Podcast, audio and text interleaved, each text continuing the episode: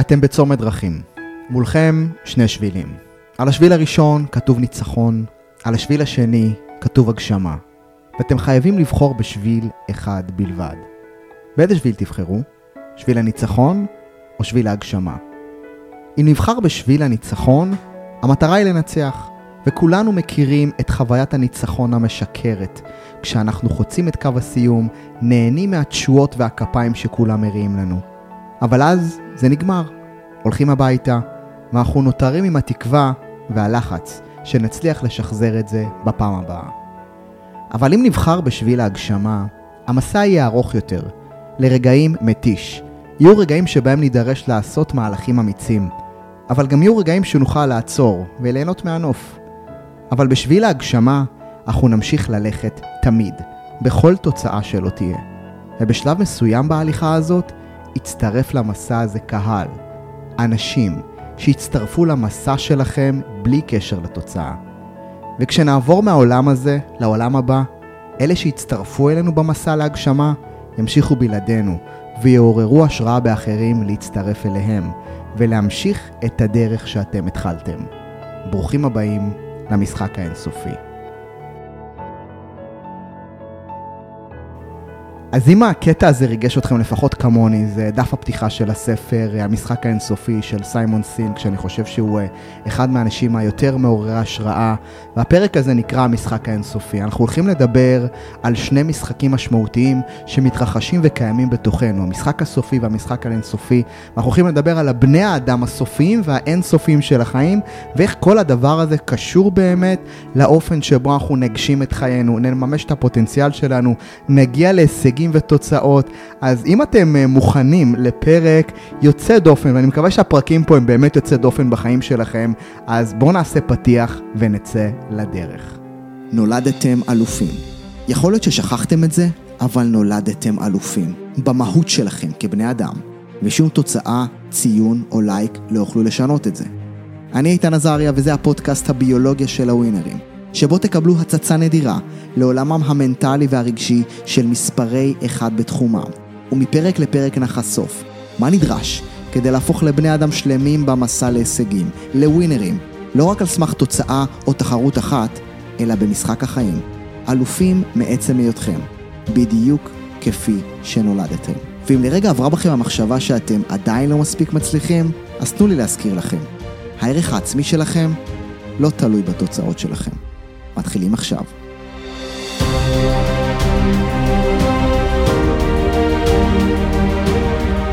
היי אלופים, אז ברוכים הבאים לביולוגיה של הווינרים, לפרק נוסף, ובאמת תודה שאפשרתם לי ושאתם מאפשרים לי להיות המאמן המנטלי והמארח שלכם בשעה הקרובה לפרק הזה, שבו, אתם יודעים, בביולוגיה של הווינרים אנחנו נעים במהירות לעבר השגת המטרות שלנו, אבל בו זמנית, אנחנו שומרים על הזהות המנצחת שלנו, כי אנחנו באמת אנשים בעלי ערך, ללא תלות בתוצאות, ואני מאמין בזה, ואני מאמין באמת הזאת שפילוסופת החיים שלנו, בטח בביולוגיה של הווינרים, טרנרים ובכלל בכל הפעילות שלי, היא שהמרוץ שלנו להישגים ותוצאות לא צריך לבוא על חשבון הבריאות הנפשית שלנו כבני אדם. אני מאמין בכל כוחי ובכל מוחי וגופי שהמסע שלנו להיות מספרי אחד, וכל אחד ואחד ששומע אותי פה, אני יודע שהוא בשאיפה להיות המספר האחד שלו. אני מכיר את חלקכם, לא את כולם. לשמחתי, יש מאזינים רבים בכל העולם, ומתוך ההיכרות שלי עם חלקכם, אתם שואפים ובשאיפה מתמדת להיות הבסט שלכם. והאמונה שלי היא שזה לא צריך לבוא על שום חשבון של שום דבר אחר. והמסע שלכם להישגים לא צריך לבוא על חשבון הנפש, הערך העצמי שלכם והיותכם בני אדם. אז אני חושב שבאמת המטרה הגדולה של הפודקאסט הזה, של הפעילות שלי, של כל מה ש... של המסר הגדול כאן, היא לייצר דרך. והדרך שיצרתי לאורך השנים היא דרך שמצד אחד ממקסמת את הביצועים שלנו כבני אדם לתוצאות, אבל בו זמנית היא בונה את הערך שלנו כבני אדם, ואת זה אני ככה משתדל, ואני מקווה שאני מצליח לפחות להביא לכם בכל פרק. אז קודם כל תודה לכם. שאתם שולחים ומשתפים ובאמת מעבירים את הפרקים האלה הלאה כי הם עושים טוב לאחרים. האג'נדה שלי כאן באמת שאלה יהיו פרקים מדויקים, נקיים, נטולי פרסומות, שבאמת תבואו והביולוגיה של הווינרים תהיה המרחב הפרטי שלכם לספייס שלכם מול עצמכם ובאמת הפתיחה הזאת מחברת אותי למקום המאוד מאוד חזק של הפרק הזה, שנקרא המשחק האינסופי. והפרק הזה נולד משני ספרים מאוד משמעותיים, ואפילו מהפכניים מבחינתי, אם תרצו שאני גם אזמין אתכם לקרוא. הספר הראשון נקרא המשחק האינסופי, The Infinite Game של סיימון סינק, אתם בטח מכירים, או סינק, שבטח אתם מכירים אותו מההרצאה המפורסמת שלו, Start with, Why, כן? להתחיל כל דבר שאתם עושים עם הלמה, ובאמת הרצאה מדהימה. הדבר המעניין יותר הוא שכשהוא כתב את הספר, המשחק האינסופי, ועוד שנייה נדבר עליו, הוא ביסס את העבודה שלו במקור על ספר של ג'יימס קארס, שנקרא משחקים סופיים ואינסופיים. ספר שנכתב ב-1986, כן, Finite and Infinite Games.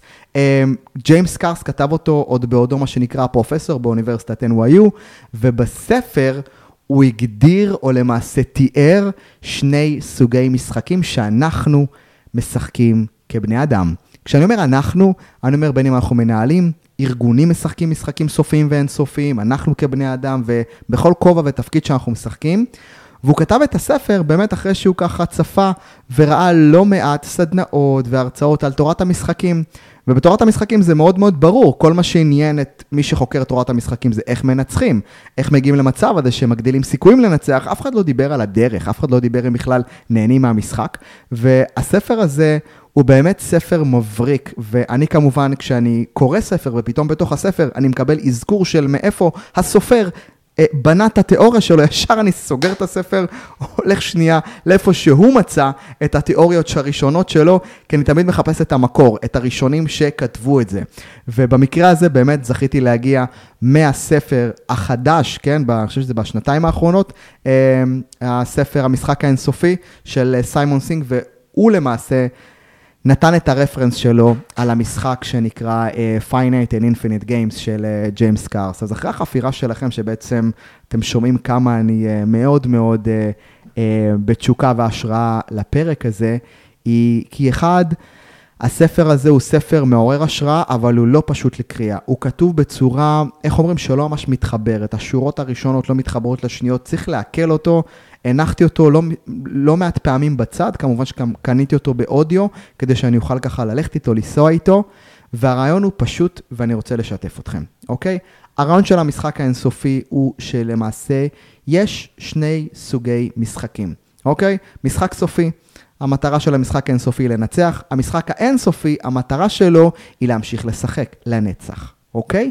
עכשיו בואו נחקור טיפה פנימה את מה בעצם ג'יימס קארס וסיימון סינק דיברו עליו. משחק אינסופי, אה, סליחה, משחק סופי זה משחק שהמשתתפים בו ידועים מראש, יש חוקים מוגדרים ומטרה מוסכמת על כולם. המטרה היא ברורה, לנצח את המתחרים שלך. ואתם מכירים משחקים סופיים, כדורגל, כדורסל, אולימפיאדה, מונופול, טאקי.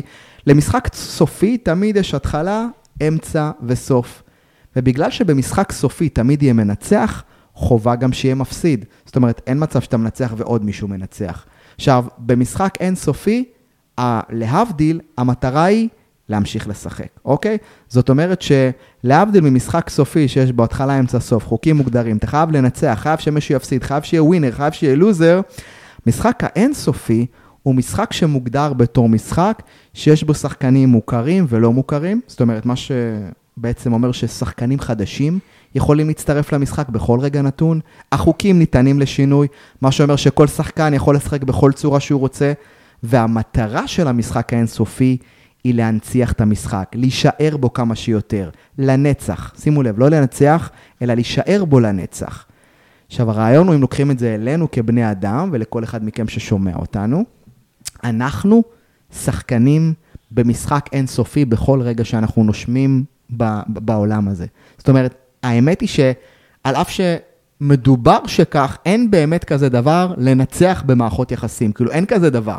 כן, אה, אה, ניצחתי את בזוגיות, אה, מה זה ניצחת בזוגיות? זוגיות זה משחק אינסופי, הוא לא נגמר, אתה צריך תמיד להיות שם, אתה תמיד צריך לגדול, אתה צריך לגדל, כן, אז הרעיון שמערכות יחסים הם משחק אינסופי, אין לו סוף, כן? דרך אגב, גם אין כזה דבר לנצח את הבריאות, או לנצח עם המשקל שלי, אין כזה דבר, כי אם הגעת למשקל שאתה רוצה, שום דבר לא באמת נגמר, כי החיים ממשיכים, ואם אתה רוצה להישאר בו, אתה צריך להמשיך לשחק.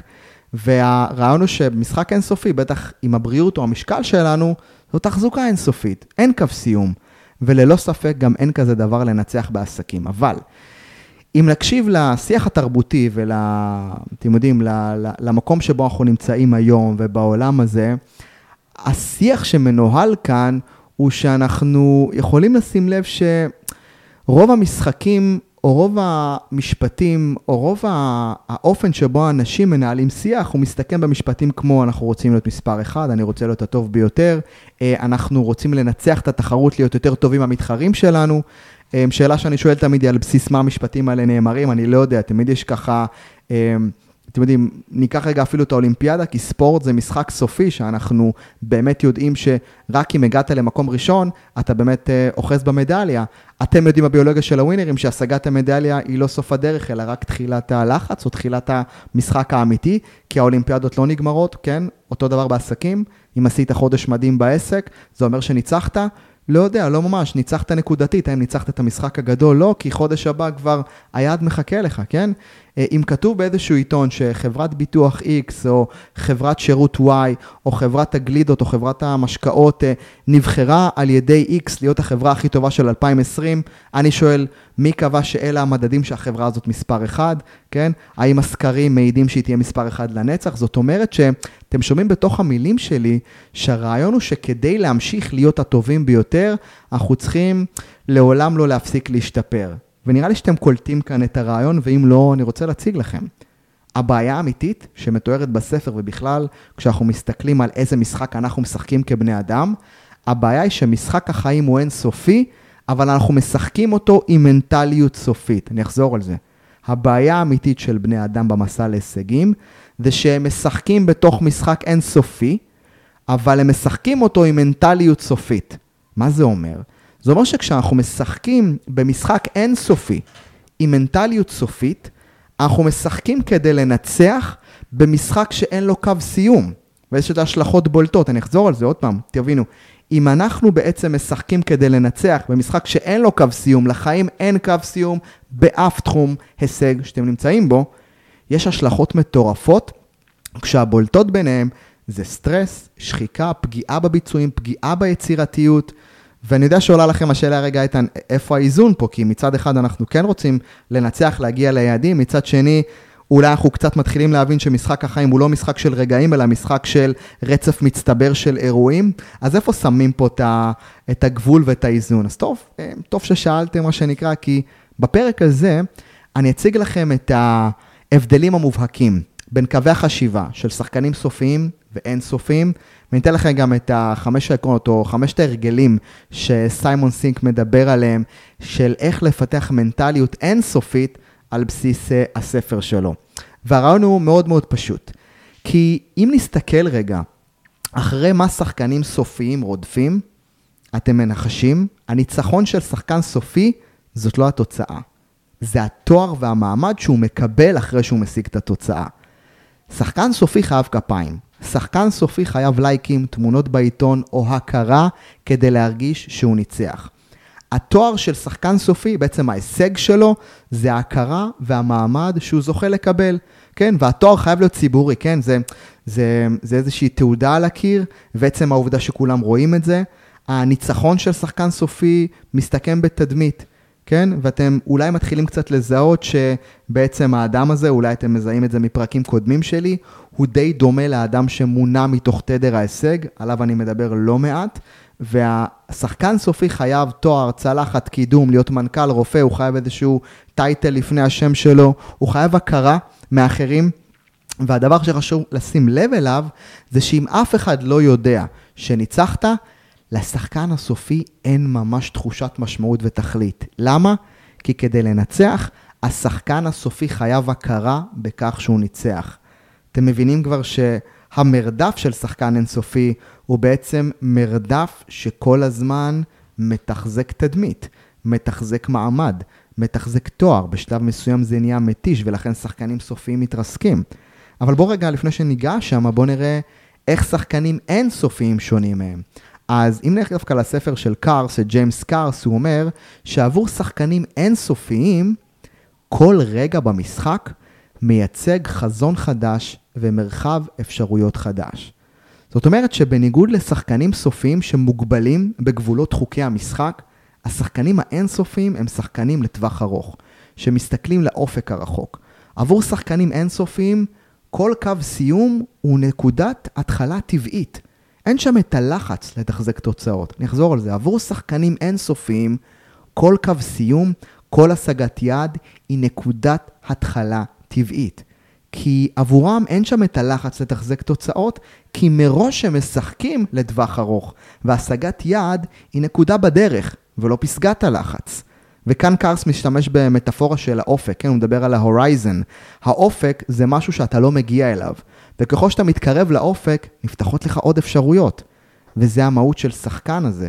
כי בסופו של דבר, שחקן אינסופי רץ לטווח ארוך. המנטליות שלו היא מנטליות שהמשחק לא נגמר, ולכן אני כל הזמן משחק, מתקדם ונע, ואין סטרס על השגת יעד, וגם אין סטרס כשאני לא מגיע אליו, כי אני כל הזמן מתקדם.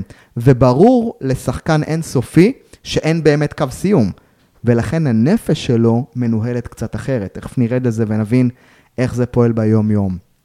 מה שחשוב ברמה האסטרטגית, להבין ששחקן סופי עושה כל מהלך כדי לנצח. הוא אף פעם לא עושה דברים כדי ליהנות ולחקור. תמיד יש אינטרס. מה האינטרס? שורה תחתונה, ניצחון, כפיים שיגידו. אוקיי? עכשיו, הוא, הוא לא אשם, כי בגדול זה מה שלימדו אותו, כן? ושחקנים סופיים זה שחקנים שקיימים בכל העולם, כן? אני גדלתי כשחקן סופי. אותי לימדו לנצח, ואותי לימדו שכשאתה מנצח זה אומר שמישהו אחר מפסיד, אין מצב שזה יקרה ביחד. אותי לימדו שאתה תקבל שבחים ומחמאות בימים הטובים כספורטאי, ואם לא תקבל התעלמות, זאת אומרת שמבחינתי גדלתי במנטליות של שחקן סופי. לעומת זאת, שחקן אינסופי הוא שחקן שישחק כדי לשחק. או לפחות הוא ישחק כדי ליהנות מהמשחק. הוא יאפשר לכל הזדמנות להגיע בתור מורה, כן? בתור מורה דרך, בתור סימנים לשפר את הפוטנציאל שלו בלי קשר למתחרים. זה ממש מזכיר אה, איזשהו רעיון שעשו עם אה, קובי בריינט, הכדורסלן המנוח, ששאלו אותו מה אתה יותר, אוהב לנצח או שונא להפסיד? ואז הוא ענה בתשובה מאוד מאוד פשוטה ותמימה, neither, כן? דהיינו לא זה ולא זה. אז שאלו אותו, מה מניע אותך לשחק? אז הוא ענה, I play, I play to figure things out, אני משחק כדי ללמוד, אני משחק כדי לגלות, אני משחק כדי לחקור. אגב, הוא עוד אומר שהוא מנצח, הוא מנתח ניצחון והפסד אותו דבר, ואם אתם רוצים עוד על הפרק הזה, כולכם יודעים שיש פרק מטורף על קובי בריינט, על 15 התובנות ועל 15 אה, העקרונות הצלחה אה, של קובי בריינט, עשיתי לו ממש ניתוח מנטלי, אבל אם אנחנו חוזרים לפרק הזה, זה ש... מצד אחד, אנחנו צריכים להשיג יעדים ומטרות. צריך לעמוד בלוז ביעדים של העסק, של הארגון, של הספורט, של כל מה שאנחנו נמצאים בו. אז מצד אחד אני איתכם. אבל חשוב להבין שלמרות שאנחנו נמצאים במסגרות שהן מוגדרות בתור מסגרות סופיות, אם נביא לשם חשיבה ומנטליות אינסופית, נוכל לשנות את המשחק ואת התוצאות שלנו לטווח הארוך. והתובנה הגדולה פה, שאיתה ברשותכם נתחיל, זה שמצד אחד, חייב להבין, משחק סופי, משחק של תוצאות ויעדים, יכול להיות משוחק בתוך משחק אינסופי, כן? לצורך העניין, אם אני רוצה להגיע לאיזשהו יעד ויש לי יעד, הכנסה שאני רוצה להגיע אה, בעוד חמש שנים עם העסק שלי, אז אני יכול להציב לעצמי מטרות קטנות בדרך. כדי להגשים את המטרה והחזון הזה, אוקיי? אם יש לי יעד, אני רוצה לעשות מדליה אה, באולימפיאדה, ואם יש לי אה, יעד כזה, אז מן הסתם אני כן רוצה שיהיו לי מטרות סופיות בדרך. מטרות סופיות יכולות להיות כמו לנצח בתחרות. אם שחיין רוצה לעשות מדליה, המטרות הסופיות שלו הן מטרות כמו לרדת מה-X שניות ל-50 מטר. וזה מעולה וזה בסדר. זאת אומרת, משחק סופי יכול להתקיים בתוך משחק אינסופי. אבל משחק אינסופי לא יכול להתקיים בתור משחק סופי. זאת אומרת שאנחנו לא יכולים שתהיה לנו קריירה שמחה ומלאה ומאושרת, כל עוד הקריירה שלנו בנויה ממטרה אחת סופית. למשל, אני חייב להיות מנכ"ל, וכל עוד אני לא אהיה מנכ"ל, או כל עוד אני לא אעשה את הכסף שאני רוצה, אין לי חיים. כי שחקנים סופיים הם מונעים אך ורק ממה? מלהגיע ליעד. מבחינתם הגעה ליעד זה סוף המשחק. נגמר הסיפור, זהו. אנחנו יודעים שהחיים הם חיים של משחק אינסופי. והרעיון הוא שרוב האנשים משחקים את המשחק כאילו שהוא סופי, אוקיי? ואני מחזיר אתכם רגע להתחלה. הבעיה אולי הגדולה של הרבה אנשים שלא מצליחים להגיע להישגים שלהם, של אנשים שחווים אה, טלטלות בבריאות הנפשית שלהם. זה שהם משחקים במשחק אינסופי, העולם הוא משחק אינסופי, אבל הם משחקים אותה עם מנטליות סופית. אז מה שעשיתי כאן עבורכם, ככה לאחר הפתיחה הזאתי, זה ממש מה שנקרא, עשיתי עבורכם את העבודה. והעבודה שעשיתי, היא בעצם להתחיל לזקק את אה, הרגלי המחשבה, או יותר נכון את ההבדלים בהרגלי המחשבה והפעולה בין שחקנים סופיים לאין סופיים. ואני הולך להציג לכם עכשיו את ההבדלים, ותוך כדי הצגת ההבדלים אני רוצה שתקשיבו, אבל לא מהראש, אלא מהלב. הייתי רוצה שתיתנו לתודעה שלכם להתחיל טיפה להסתכל ולבחון באיזה צד של המשחק אתם, איזה שחקנים אתם, אוקיי? ומתוך המקום הזה, תנו לעצמכם להרגיש מה נכון ואיפה אתם רוצים להיות, באיזה צד של המשחק. כי יש יתרונות מאוד מאוד גדולים לצד האינסופי. עם זאת, המוח שלנו, החלק היותר, אה, החלק הזה ש, שחייב את השורה התחתונה, החלק ההישרדותי בתוכנו מושך אותנו להיות שחקנים סופיים. אז בואו נדבר על ההבדלים, ניכנס אליהם, ואז ניתן את העקרונות. אז ההבדל מספר אחד בין שחקנים סופיים לאין סופיים זה ששחקנים סופיים אובססיביים לנצח את המתחרים שלהם. אבל שחקנים אינסופיים, הם מתמקדים באופק והמטרות שאליהם הם הולכים. אוקיי, okay, אגב, מי לדעתכם נאבק יותר בדרך? נראה לי שאתם יודעים. שחקן סופי תמיד מסתכל, איך אני מנצח את ההוא, איך אני מנצח את העסק הזה. שחקן סופי זה השחקן שאומר, איך אני מנצח את השחקן היריב שלי. אבל שחקן אינסופי שואל את עצמו, ללא תלות ביריב שלי, איך אני מתקדם מהר יותר למטרות האישיות שאני בחנתי, הגדרתי ושמתי לעצמי. ולא פעם העיניים שלנו הולכות על השוואתיות בין, בינינו לבין האנשים האחרים, בינינו לבין המתחרים, בינינו לבין הלייקים, בינינו לבין כמה העסק, החברים או המנהל, המנהל ההוא בתפקיד עושה. וכשהפוקוס שלנו הוא על המתחרים ולא על המטרות שלנו, אנחנו תמיד תמיד מפסידים כי אנחנו נאבקים במשהו שאין לנו שליטה. אין לי שליטה על ההתקדמות של היריבים שלי, יש לי שליטה על ההתקדמות שלי. ולכן הרבה שחקנים סופיים נכנסים לאובססיה לגבי המתחרים שלהם, והאובססיה הזאת מתבטאת בקנאה, היא מתבטאת בשנאה, היא מתבטאת בתחרות פנימית, היא מתבטאת במקום של איזשהו קיפאון, כי הם מנסים לשלוט על משהו שהוא לא בשליטתם. אבל שחקן אינסופי מבין שהמשחק הוא משחק פתוח, וכמשחק פתוח יש לי שליטה אך ורק על ההתקדמות שלי.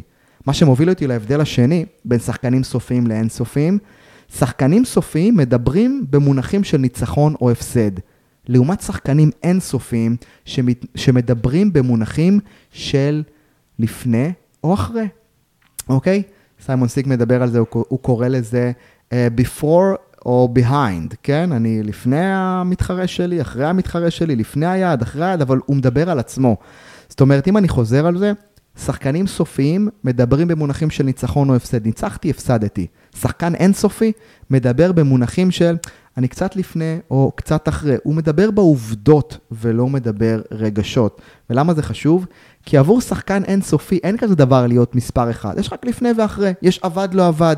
המטרה של שחקן אינסופי היא לא לנצח את התחרות, אלא לחיות יותר זמן מהתחרות. מתוך הבנה שהמתחרה היחידי במשחק הזה הוא אנחנו.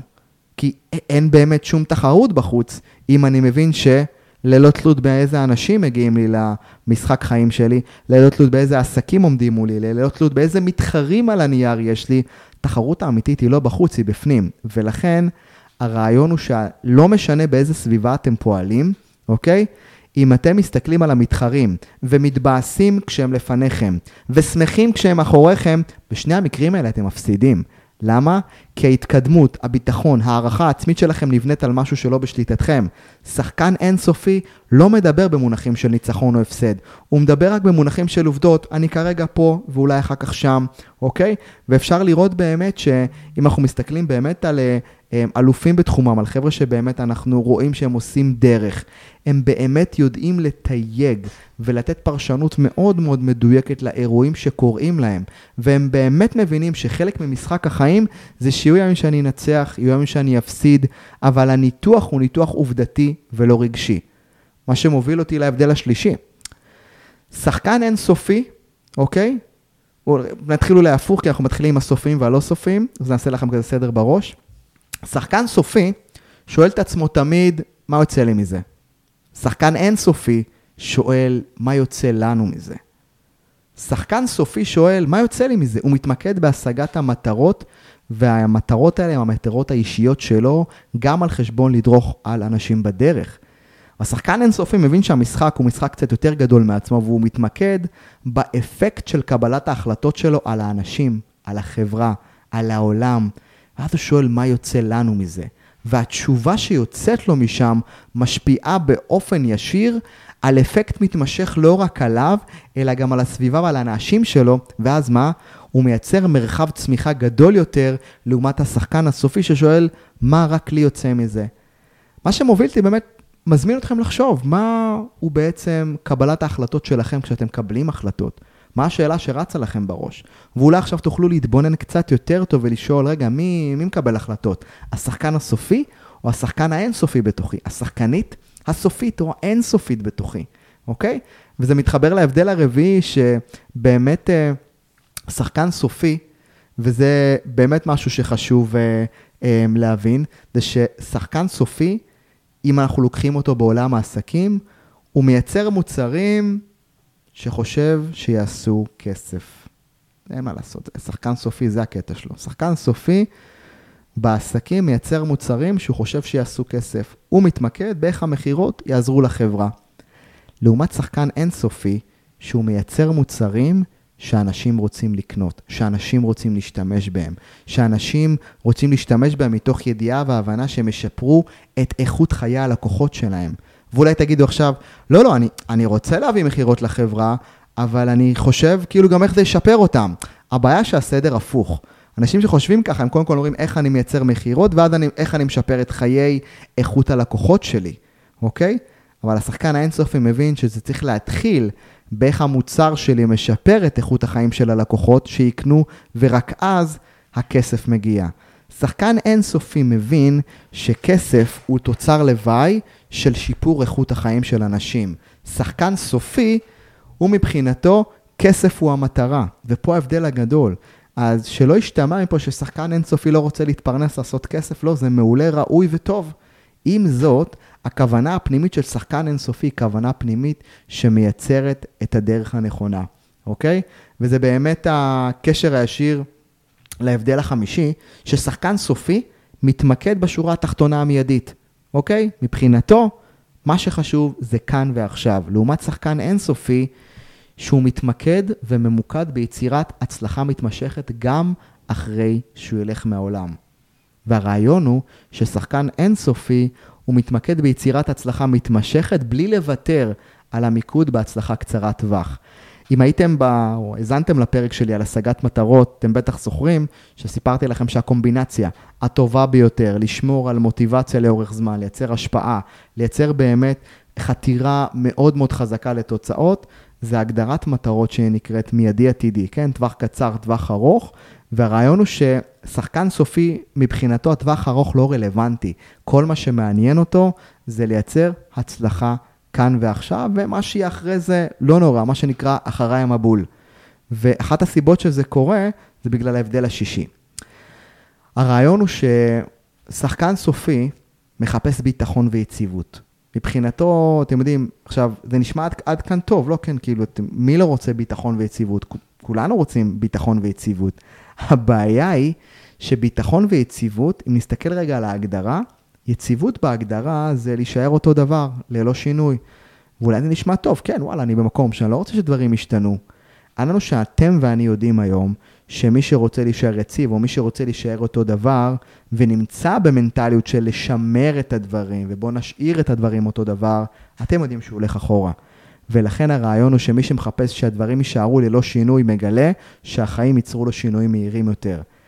אבל שחקן אינסופי לא בונה את עצמו על ביטחון ויציבות. שחקן אינסופי בונה את עצמו לחוסן. שחקן אינסופי בונה יסודות שנבנים כדי להחזיק את עצמו לנצח, אוקיי? עכשיו, עוד פעם, ביטחון ויציבות זה לשמר. ואם אתה משחק כדי לשמר, אתה ברמה לא מודעת מפחד להפסיד, ופה הבעיה. אבל שחקן אינסופי בונה יסודות לנצח. והרעיון הוא שכשאנחנו בונים יסודות לנצח, מבחינתי, השגת יעד היא בעצם כמו סוג של אה, קרקע שממשיכה אותי ליעד הבא. ואני עושה את זה באופן טבעי, בלי לחץ. למה? כי אני בונה את עצמי לנצח. אני לא בונה את עצמי למה? לסגור את החודש. אני לא בונה את עצמי... אה, לא, אני בונה כל הזמן צמיחה. וזה פה הרעיון הגדול. מה שמוביל באמת להבדל השביעי, ששחקן סופי חושב במונחים של רבעון. שחקן אינסופי חושב במונחים של דורות. אוקיי? תחשבו רגע על עצמכם. איך אני חושב על האופן שבו אני מנהל את החיים שלי? אני חושב על לסגור את החודש, אני חושב על להביא את הכסף ברבעון, או שאני חושב במונחים של דורות, של איך אני מייצר עסק, איך אני מייצר את עצמי כספורטאי לדורות, איך אני מייצר את עצמי כהורה, כאבא, כאימא, איך אני בונה את המערכות היחסים שלי, שהם לא יהיו מה שנקרא, יניבו לי הצלחה קצרת טווח, אלא איך אני בונה את זה במונחים של דורות. תחשבו על זה. שחקן סופי חושב במונחים של היעד הקרוב, כן? אני רוצה לשחרר משקל כי תכף יש קיץ, אז אני עושה שלושה חודשים אה, תוכנית תזונה, גומר את עצמי, אבל לא אכפת לי כי אני אהיה מתוקתק ויפה לקראת הקיץ, והוא חושב במונחים קצרים, טווח קצר. והוא מרוויח, והוא נהנה, והוא באמת מצטלם, התמונות לאינסטגרם עולות יופי, כי הוא חושב במונחים קצרים של רבעון. ואז מה? קצת מסתיים הקיץ, הוא מקבל את הכפיים, ואז אפשר לטרוף חזרה, ואז הוא מחזיר את אותו משקל שהוא כבר השיל, וכמובן עולה מעליו, כי הגוף נמצא בפיצוי יתר והוא רוצה את זה, ואז אנחנו מגלים בעצם שמה? שהוא חשב טווח קצר, הוא לא חשב במונחים של דורות. וחבר טוב שלו חושב במונחים של דורות, והוא יורד בקצב איטי יותר, והוא לא עדיין אה, מתוקתק כמו שהוא היה רוצה, אבל כשמסתכלים על טווח הזמן שלהם, הבריאות שלו יותר טובה, הבריאות הנפשית שלו יותר טובה, כי הוא חושב במונחים של דורות. אני רוצה לשאול אתכם, איך אתם חושבים? איך אתם פועלים? האם העשייה היומיומית שלכם בונה את עצמכם רק כדי לסגור כמה פינות? לסגור חודש, לסגור את העסקה הקרובה, לסגור את היעד הקרוב, להגיע לניצחון הבא ופתאום להילחץ מהבא אחריו, או שאתם בונים את עצמכם במונחים של דורות. והקו מחשבה הזה הוא קו מחשבה שנמצא, איך אומרים, אלוהים נמצא בפרטים הקטנים, שחקנים סופיים ואין סופיים, זה בכל רגע ביום. מהרגע שאני פונה, כשאני יורד ב, מה, מהבית ויוצא החוצה, האם אני אומר שלום בכיף, או שאני מנפנף את הבני אדם לידי, האם כשאני עושה, לא יודע מה, שיחת טלפון, עסקה, האם כשאני נמצא אמ, בפגישה, איך אני חושב, וזה נורא נורא חשוב, אוקיי? כי בסופו של דבר, אחד הדברים אולי הכואבים ביותר שראיתי, ואני באמת לוקח אתכם ברשותכם להבדל מספר 8, ששחקנים סופיים, הם משתמשים, ואני רגע לוקח את זה ברמה הארגונית, אני לוקח את זה ברמה רגע של עסקים גדולים, ואחד הדברים הכואבים לראות זה ששחקנים סופיים, משתמשים בהישגים של הארגון כדי להגדיל ולהעצים את הערך של הקריירה של עצמם, אוקיי? לעומת שחקנים אינסופיים שמשתמשים בקריירה של עצמם כדי להגדיל את ערך הארגון, אוקיי? וכמובן, אם אני מסתכל על זה, אז אתם יודעים, המטרה של ארגון, ואתם יודעים, הייתה איזושהי הגדרה של אה, ג'ק וולש, אה, שג'נרל אלקטריט כתב לא מעט ספרים, והוא דיבר על זה שהמטרה היא אה, של ארגון היא באמת להגדיל את הנכסים ואת המניות ואת הערך של בעלי המניות, והכל עסוק באמת באיך בעצם מייצרים ומגדילים את השורה התחתונה. אז אין בעיה עם זה שעסקים, זאת ההגדרה שלהם וזה בסדר. עם זאת, היום אנחנו נמצאים בעידן שאם אנחנו לא מגדילים את האנשים בתוך הארגון, אנחנו נמצאים בבעיה נורא נורא גדולה. אוקיי? זאת אומרת שמנהלים עם מנטליות סופית הולכים מה שנקרא לקבל סתירות לא קטנות בעידן הזה, ואיך אנחנו צריכים להפוך, ואם אנחנו נמצאים בעולם הארגוני, להתחיל לבנות מנהלים אינסופיים, להתחיל לבנות אנשים עם מנטליות אינסופית. עכשיו, כמו שאמרתי לכם, זה בסדר גמור שיהיו לי, מה שנקרא, שיהיו לי משחקים סופיים, כל עוד אני פועל ממנטליות אינסופית.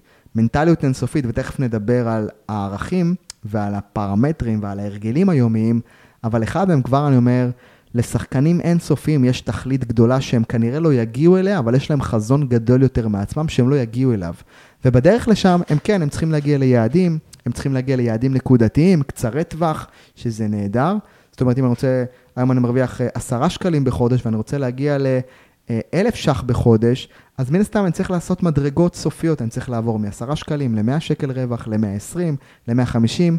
זאת אומרת ש... יהיו לי משחקים סופיים בתוך המשחק האינסופי. משמע, אני אצטרך להשיג יעדים קטנים בדרך, אבל הם לא יהיו המטרה, הם יהיו רק חלק מהסיפור הגדול ומהמשחק האינסופי שלי, אוקיי?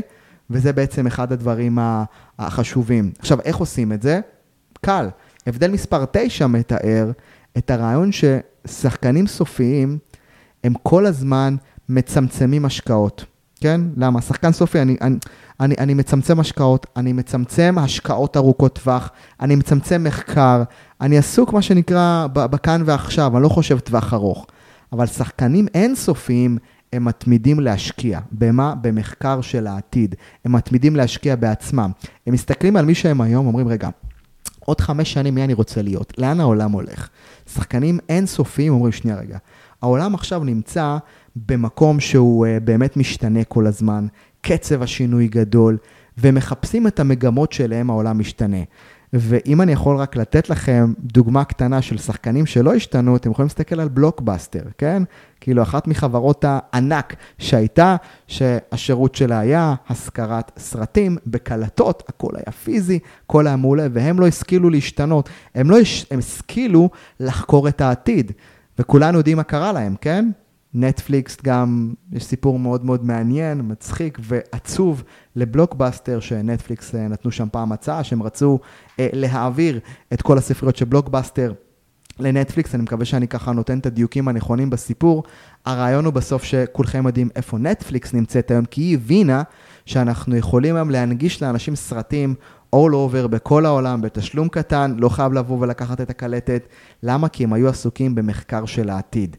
ואני כן רוצה שתשימו לב ששחקן סופי הוא שם רטיות של סוס והוא מנסה, מה שנקרא, לא להיות מופתע. אז הוא לא גם חוקר את העתיד, ואני כן רוצה שתחקרו את העתיד, אני כן רוצה שתסתכלו לאן העולם הולך. והעולם הולך היום למקומות באמת אחרים, ששירותים היום מוגשים באונליין ואפשר להשיג הכל בצורה מהירה יותר, ואנחנו רוצים להיות חלק מהדבר הזה ולא להיות סגורים. אז, ההבדל העשירי, עוד שלושה הבדלים ואנחנו שם. שחקנים סופיים הם באובססיה תמידית למספרים, תוצאות ושורה תחתונה, לעומת שחקנים אינסופיים שהם באובססיה לשיפור הביצוע האנושי, הם עסוקים בפוטנציאל שלהם. הבדל מספר 11, שחקנים סופיים עסוקים בסיפוק מיידי, הכל כאן ועכשיו, לעומת שחקנים אינסופיים שעסוקים בהתמדה לאורך זמן, על זה דיברנו, אבל עדיין ג'יימס קארס שם את זה בצורה מאוד מאוד משמעותית בספר וחשוב לראות את זה. אגב, ג'יימס קארס לא עשה 12 הבדלים, הוא לא עשה את זה, הלוואי והוא היה עושה את זה, היה מקל על כולנו. אני רק ככה הורדתי וזיקקתי, הוא פשוט נותן תובנות שאני באמת יכולתי דקה לשקוע לאחור ולהסתכל על איך הוא מדבר עליהם, ואני חושב שבאמת... אה, אני ממליץ, בטח למי שככה אין לו בעיה, קורא אנגלית, נכנס עם זה בכיף ל, ל, וצולל, ת, תלכו להוריד את זה אה, באמזון, הכי קל מעולם. הבדל מספר 12, שחקנים אינסופיים מכינים, סליחה, עוד פעם, שחקנים סופיים, וזה הבדל על, תהיו איתי. שחקן סופי, הוא מכין את כל האופציות כדי לא להיות מופתע. שחקן סופי חייב שליטה. הוא רוצה לדייק הכל, לדעת מה לעשות, אם זה יקרה, אני אעשה את זה, אם זה יקרה, זה יקרה. אבל שחקנים אינסופיים, הם מצפים להיות מופתעים, אבל הם סומכים שהמחשבות הנכונות יעלו ברגע שההפתעה תגיע. אוקיי? זאת אומרת ששחקנים סופיים מרוכזים בלהתאמן על כל תרחיש אפשרי, שזה אחלה, זה לא רע. אבל שחקן אינסופי מתאמן על להסתגל לכל תרחיש שלא יהיה. אחזור על זה. שחקן סופי מרוכז בלהתאמן ובלשלוט על כל תרחיש אפשרי. שחקן אינסופי מתאמן על להסתגל לכל תרחיש שלא יהיה. ואם תחשבו על זה רגע, השחקנים האינסופיים זה אותם ספורטאים שהמשחק משתנה והם יודעים להסתגל. שחקנים אינסופיים, זה אותם אה, מאמנים, בעלי עסקים, שפתאום הקורונה קורית, ובמקום, מה שנקרא, להיכנס לבונקר, הם מתלהבים ואומרים, hmm, בוא נראה איך אני יכול להפוך את המצב הזה לדבר הכי טוב שקרה לביזנס שלי. שחקן סופי אומר, וואו, זה לא היה אמור להיות ככה. זה, זה אמור להשת... איך אני עכשיו, אבל יש סגר ועוד שנייה זה קורה. שחקן סופי, בגלל שהוא מנסה לשלוט על כל דבר, כשהעתיד מפתיע אותו, הוא לא יודע איך להתמודד עם זה. אבל שחקן אינסופי מסתכל על המציאות, שהיא משתנה לנו מול הפרצוף בכל רגע נתון, והוא פשוט מחייך והוא מסתקרן. אומר, בואנה, מה, מה יכול להיות כאן, אוקיי? עכשיו, אם נחשוב על זה, אז המנטליות הזאת, ואגב, אני במקום הזה כן חושב שדווקא השילוב של שניהם הוא מאוד מאוד טוב. מצד אחד, כן לתכנן, כן להכין תוכנית משחק, כן להכין תוכנית לחיים, לעסק, זה מעולה. בו זמנית אבל, אני לא אונס את עצמי על התוכנית, אלא אני מתכונן להיות מוכן להסתגל לכל תרחיש שלא יהיה. למה? כי שחקן אינסופי מבין שמבחינה תודעתית יש לנו את היכולות להיות כאלה. יש לנו את זה, וזה אולי אחד הדברים ה... הטובים ביותר שאנחנו יכולים לקבל מהמנטליות של השחקן האינסופי. אז הבנו שבעצם יש הבדל, וכמו ששמתם לב, אם אני רגע עושה הקבלה לשפה שבה אני משתמש, שחקן סופי ואינסופי זה בדיוק ההבדל בין תדר ההישג לתדר האדם השלם. תדר ההישג זה השחקן הסופי. השחקן שחייב תוצאה חיצונית כדי למלא את עצמו, השחקן שנמצא כל פעם בסטרס כשהוא משיג את היעדים, אבל השחקן האינסופי הוא האדם השלם. האדם השלם רץ לטווח ארוך. האדם השלם באמת בונה את החיים שלו לדורות, ואחד הדברים שאני ככה רוצה להוסיף לכם כבונוס לפרק הזה, זה באמת את החמשת ההרגלים וההתנהגויות שסיימון סינק דיבר עליהם מהמקום של כדי להוביל את החיים שלנו מתוך מנטליות אינסופית, צריך להתחיל לתרגל את זה. צריך לראות מה אנחנו עושים ביום-יום כדי להתחיל לחיות את זה. ואולי עובר לכם בראש טוב איתן, בואו נוריד את זה לקרקע, איך עושים את זה? אז uh, אחד הדברים שאנחנו, uh, uh, לשמחתי, זכינו לקבל, זה ספרים מדהימים של אנשים שהכניסו שנים של תובנות לתוכם. ואחד הדברים הכי יפים שסיימון סינק עשה, זה למעשה הוא לקח והכניס חמש הרגלים, עקרונות חיים, להוביל את החיים שלנו מתוך מנטליות אינסופית. וחמשת ההרגלים או העקרונות או הפרקטיקות היומיות החיוניות האלה, הם, הם, הם הבאות. אחד, הוא מדבר על תכלית, כן? הוא קורא לזה just cause, כן? מטרה מוצדקת, כן? חייב שיהיה לך איזושהי תמונה אידיאלית של העתיד. שתיים, הוא דיבר על לפתח צוותים שמרגישים אמון, הוא קורא לזה trust in teams, כן? אתה צריך לבנות צוותים שבאמת יהיה לך אמון איתם.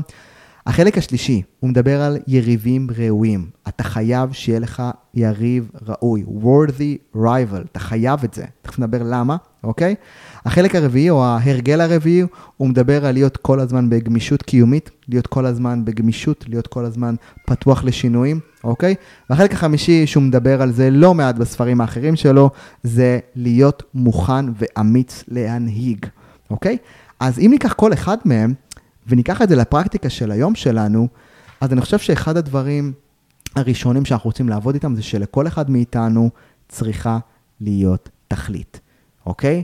הארון של תכלית זה אחד המשפטים היפים ביותר שאני חושב שקיבלתי על המושג הזה של תכלית, חזון, ייעוד, זה שיש לי איזושהי מטרה עתידית שמתארת לאן אני הולך, למה אני מחויב אליה, זאת התשתית.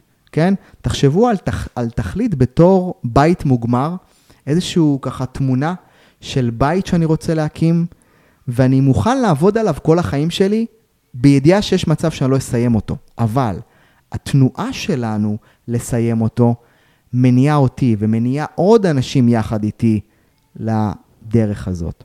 אחזור על זה. המטרה הזאת, וחשוב להבין, להבין את זה, כי הרעיון של תכלית ברורה, זה בעצם מצב עתידי, חזון שמבחינתי הוא חזון לעוד חמש שנים, עשר שנים, עשרים שנה, למאה שנים הבאות.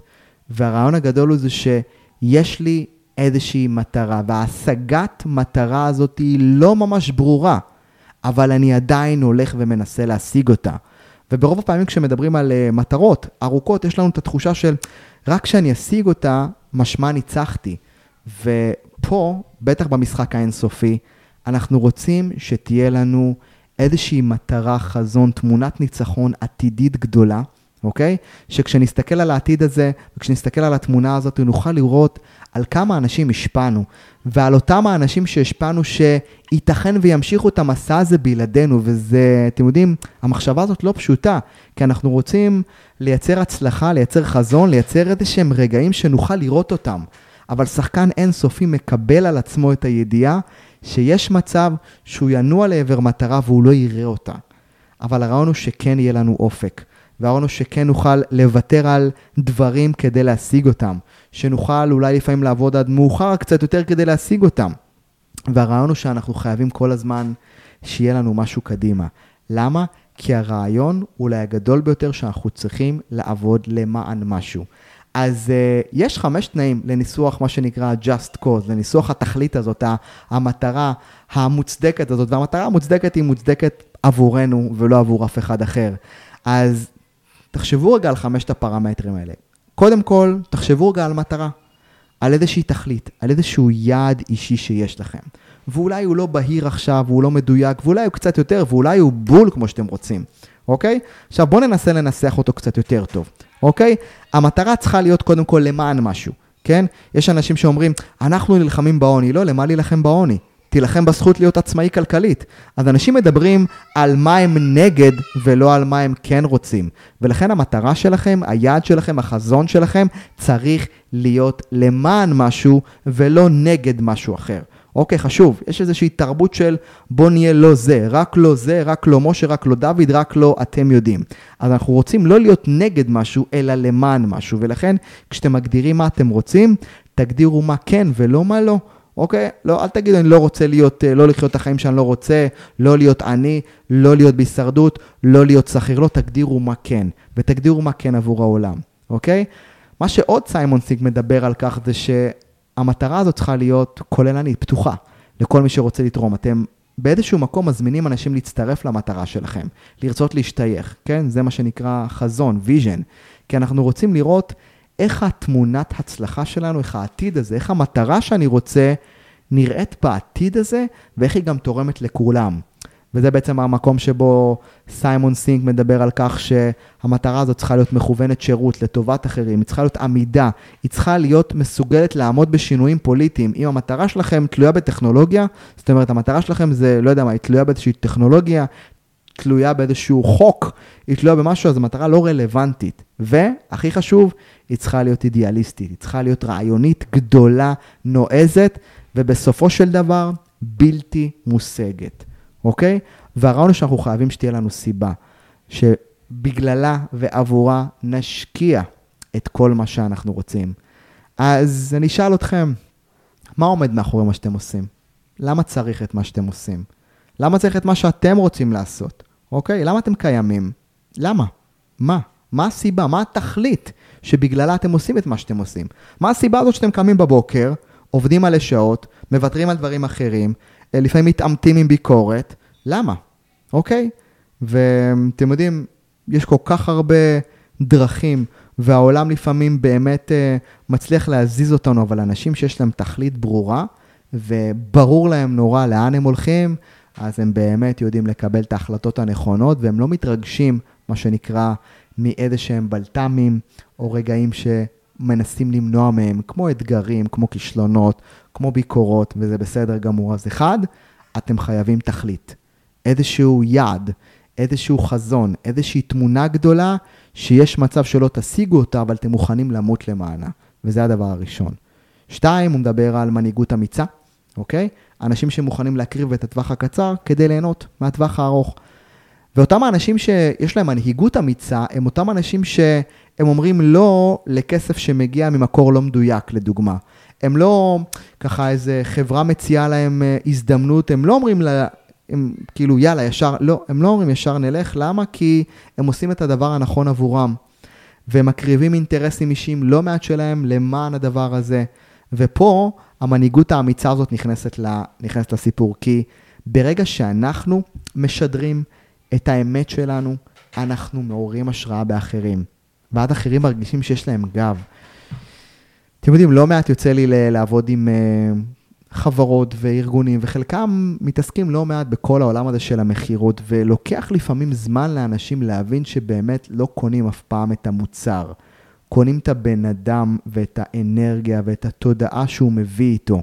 וזה יכול להיות המוצר הכי טוב בעולם, אבל אם אין באמת את האנשים שידעו, מה שנקרא, לספק אותו בצורה הכי טובה, אז הם יהיו תמיד בבעיה. ולכן העיקרון השני הוא מנהיגות אמיצה. והשאלה היא עד כמה אתם, אם אמרנו שהחלק הראשון זה יעד, תכלית ברורה, מה שנקרא מטרה מוצדקת שאתם מוכנים למות למענה. החלק השני, עד כמה אתם מייצרים ומשדרים מנהיגות אמיצה לעבר המטרה הזאת.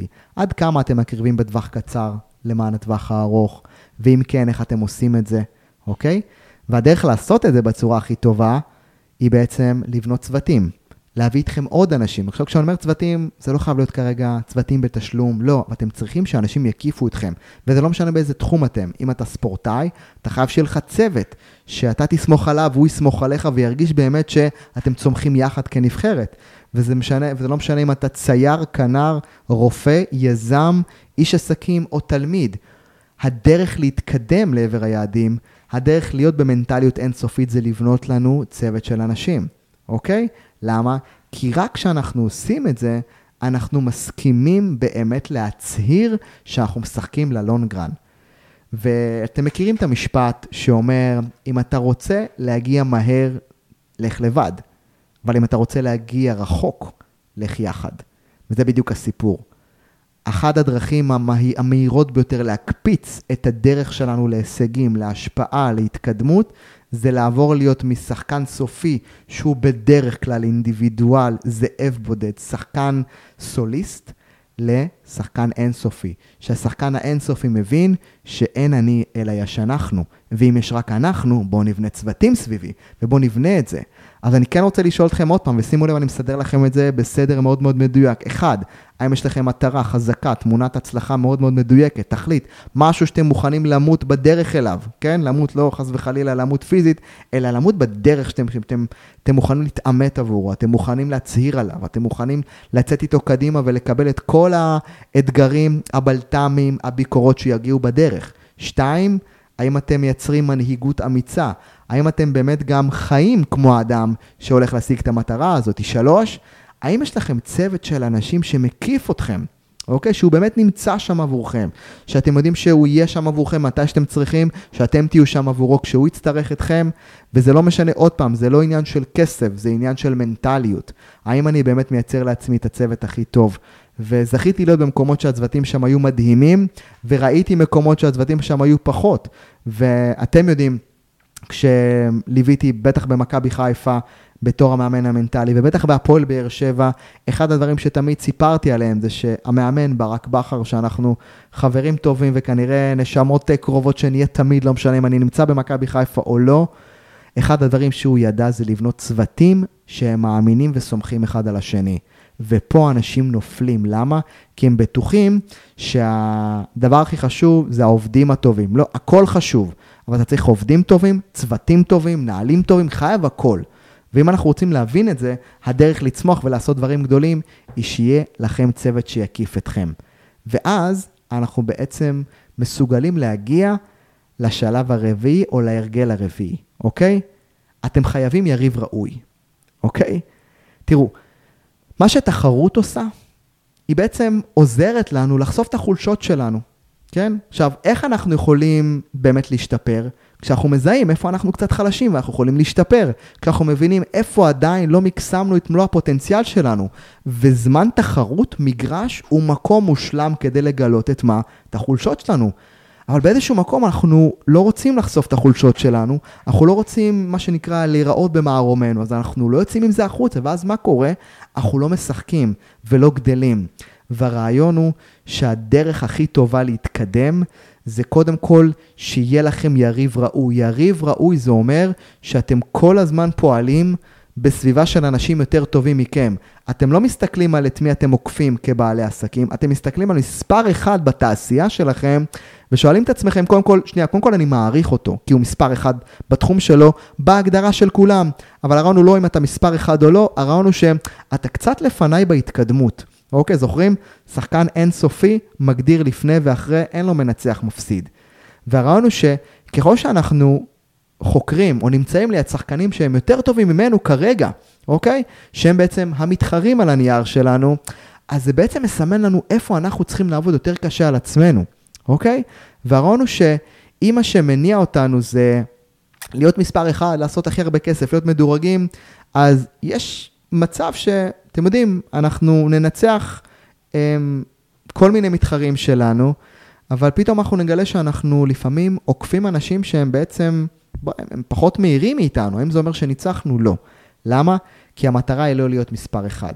המטרה היא לבנות לעצמכם בסיס עם צוות שיעצים כל אחד מכם ושזה יהיה לטווח הארוך, אוקיי? ולכן, אחד הדברים הכי טובים, כששאלו אותנו לא מעט פעמים, אמ, דווקא אני אקח את התקופה, תקופת האליפות בהפועל באר שבע, כששאלו אותנו איך אמ, הצלחנו לגבור על האלופה שהייתה באותה תקופה בלתי מעורערת, מכבי תל אביב, וכששאלו אותנו איך הצלחנו לנצח אותם והם היו היריב, אני בעצם אמרתי וציינתי לא פעם שהם היו יריב ראוי.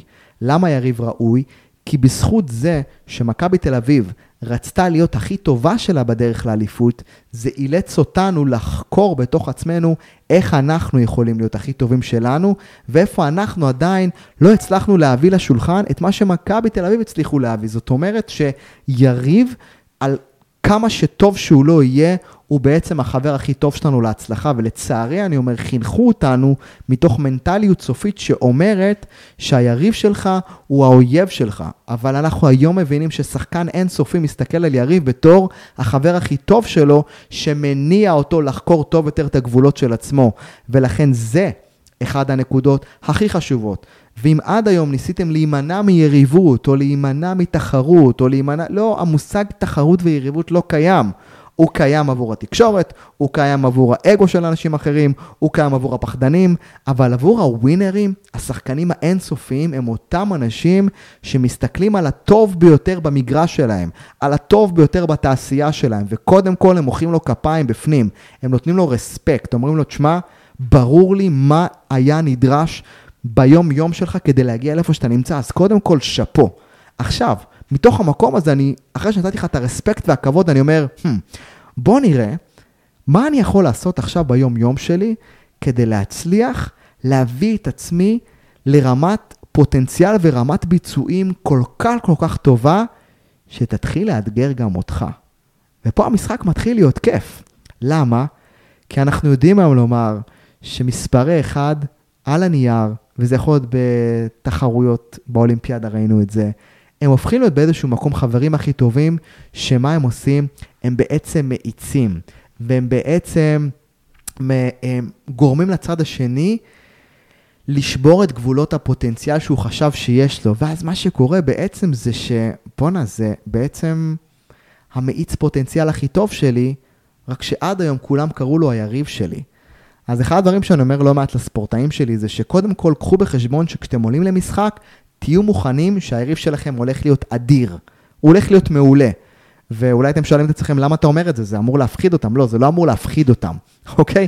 זה אמור לגרום להם לתת לו רספקט. עכשיו, בגלל שאני נותן ליריב שלי רספקט, אני מוכן לכל תרחיש. ובגלל שאני מוכן לכל תרחיש, אני גם מכין את עצמי למצב שבואנה, אולי הוא יפתיע, ואני אסתגל ואני אביא את עצמי למצב שאני כן יודע לעמוד אל מול הטכניקות והתכסיסים שאולי יעשה לי, מה שנקרא, במגרש. והרעיון הוא באמת שהיחס ליריבות צריך להשתנות. ואם עד היום קראו ליריבים מתחרים, אני רוצה שתשנו את המילה.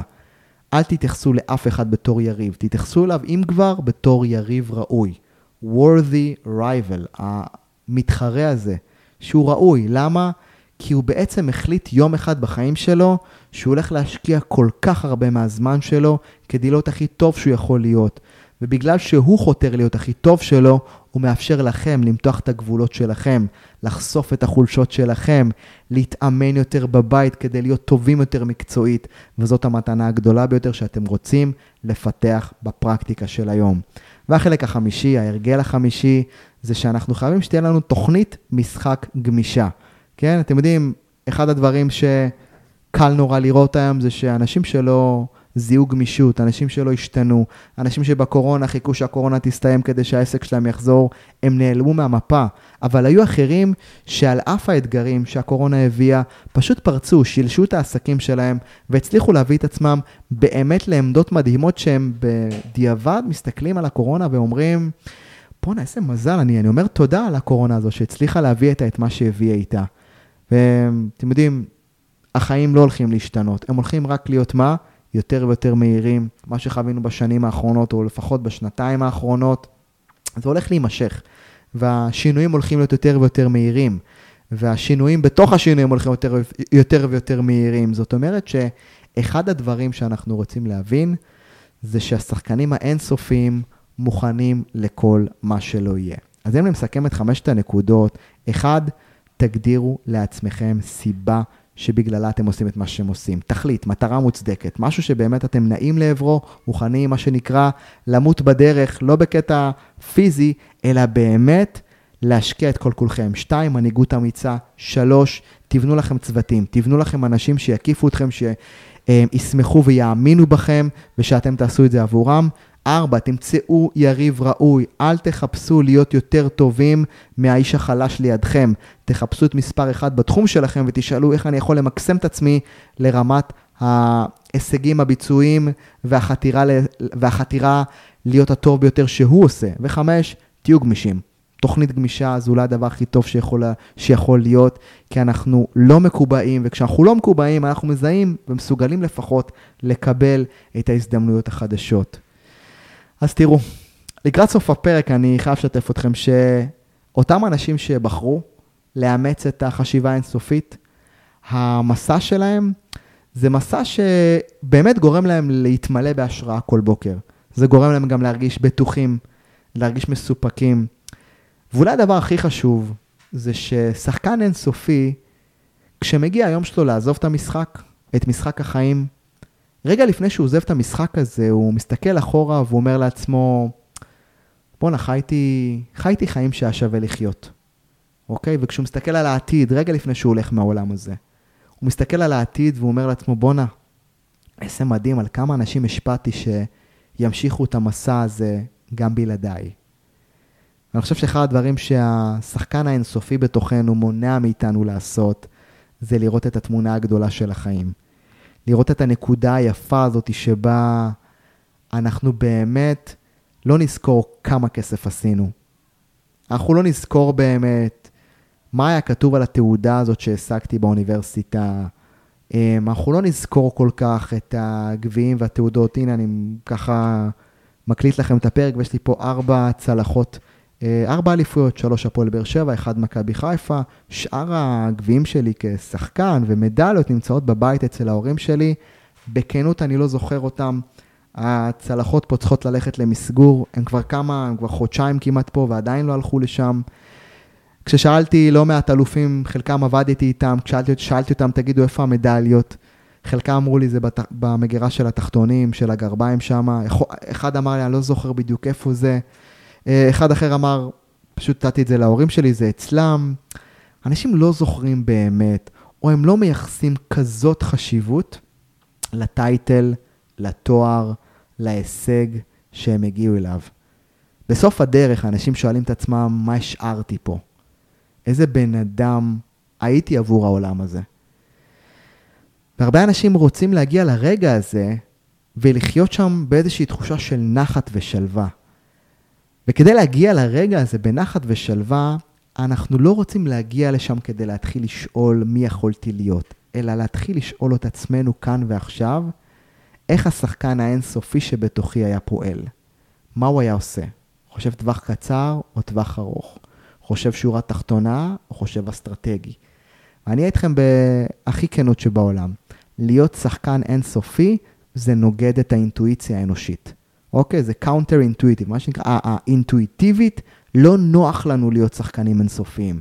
לא נוח לי לחשוב במונחים של מה יהיה איתי עוד דור. נוח לי לחשוב במה יהיה איתי בסוף רבעון. לא נוח לי לחשוב במונחים של איך אני מגדיל עכשיו אחרים. נוח לי לחשוב איך אני גודל. לא נוח לי לחשוב, מה שנקרא, לגבי מה המטרות שלי. לא, נוח לי יותר לחשוב איך אני מנצח את המתחרים שלי. איך אני נהיה מספר אחד בתחום. והרעיון הוא הפוך גוטה, כן? ככל שאנחנו מתפקדים מתוך המנטליות האינסופית, אנחנו זוכים לחיות חיים מטורפים גם בטווח הקצר וגם בטווח הארוך. אז אני רוצה, ברשותכם, לסיים את הפרק עם אותה פתיחה שהתחלתי. והפתיחה שהתחלתי, לא ידעתם למה אמרתי אותה, עכשיו אני רוצה לתת לכם את האפשרות לחשוב עליה שוב. אז אתם בצומת דרכים. מולכם שני שבילים. על השביל הראשון כתוב ניצחון. על השביל השני כתוב הגשמה. אתם חייבים לבחור שביל אחד בלבד. איזה שביל תבחרו? ניצחון או הגשמה? אם תבחרו בשביל הניצחון, המטרה היא לנצח. וכולכם מכירים את חוויית הניצחון כשאנחנו חוצים את קו הסיום, כשאנחנו מקבלים את התשואות והכפיים שכולם מריעים לנו. אבל אז זה נגמר. כולם הולכים הביתה, האורות קווים, ואנחנו נותרים עם התקווה והלחץ שנצליח לשחזר את אותו ניצחון בפעם הבאה.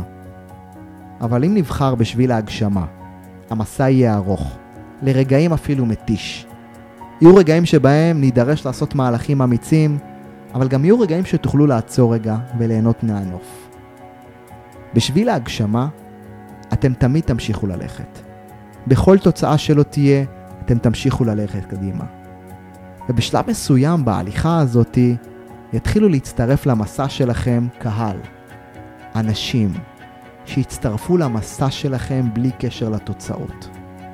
וכשתעברו מהעולם הזה לעולם הבא, אותם אנשים שיצטרפו אליכם במסע להגשמה, ימשיכו גם בלעדיכם.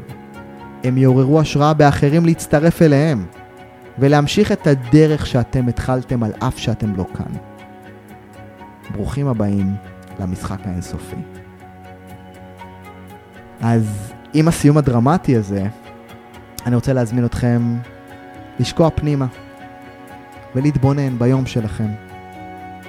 ולשאול את עצמכם שאלה קלאסית של איזה שחקן אני, איזה שחקנית אני בוחרת להיות היום. שחקן סופי או אינסופי, שחקנית סופית או אינסופית. ואולי כדי לסגור את הפרק אני אשתף אתכם שנולדתם שחקנים אינסופיים. נולדתם במהות שלכם כשחקנים לטווח הארוך. כשחקנים שמסתכלים גדול.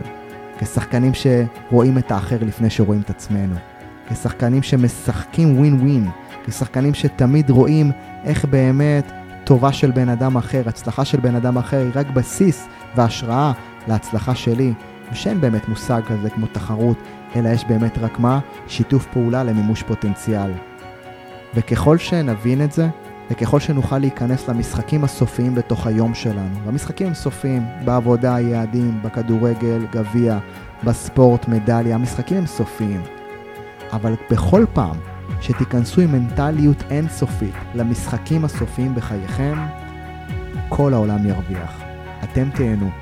התוצאות שלכם יהיו טובות ביותר, כי אתם תהיו בעצם נינוחים ברגע הזה, כי שחקן אינסופי מבין שאין באמת יעד, יש דרך אינסופית. והשגת יעד נקודתי היא בעצם תנאי טבעי להמשך ההצלחה, ומשבר או כישלון הוא גם שלב נקודתי בדרך להמשך. ככל שתחיו את המקום הזה, אתם תאפשרו לעצמכם לגדול, ליהנות ולהיות הטובים ביותר שהייתם. אז אלופים, אני באמת uh, שמח לסגור את השעה הזאת, ומקווה שהסשן הזה נתן לכם באמת את הנגיעה האישית שאולי חיפשתם בעצמכם, בלי קשר אם ידעתם או לא ידעתם על מה הפרק הזה יהיה.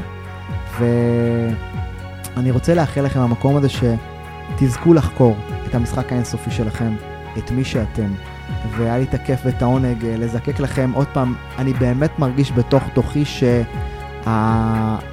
שהמחקר שאנחנו ראויים לעשות על המשחק האינסופי שבתוכנו הוא מחקר של חיים שלמים. אני רק נתתי לכם שעה מאלפי שעות שאני חוקר את התחום, את הנושא הזה, ופה זה באמת זווית נוספת שחשוב לי להביא אותה.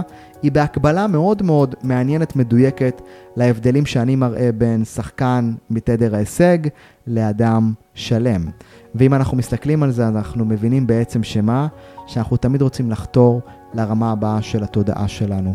אז אולפים, מקווה שהיה לכם כיף, מקווה שנהנתם, אני שמח כל פעם מחדש לקבל את התגובות, את התובנות שלכם. בקשה שלי היא אחת, שתפו את הפרק הזה עם מישהו או מישהי שחשובים לכם. מישהו שאתם מרגישים שבאמת התוכן הזה, הזווית הזאת תהיה לו קצת שונה למקום שבו או היא נמצאים. ופשוט תשלחו את הפרק הזה, תעשו טוב לאחרים, כי ככל שאנחנו עושים טוב לאחרים, זה חוזר חזרה אלינו. אני הייתי איתן עזריה, היה לי כיף. ברשותכם, ככה שולח אתכם לחשוב על הפרק, ליהנות ממנו, ואנחנו נתראה בפרק הבא. צ'או.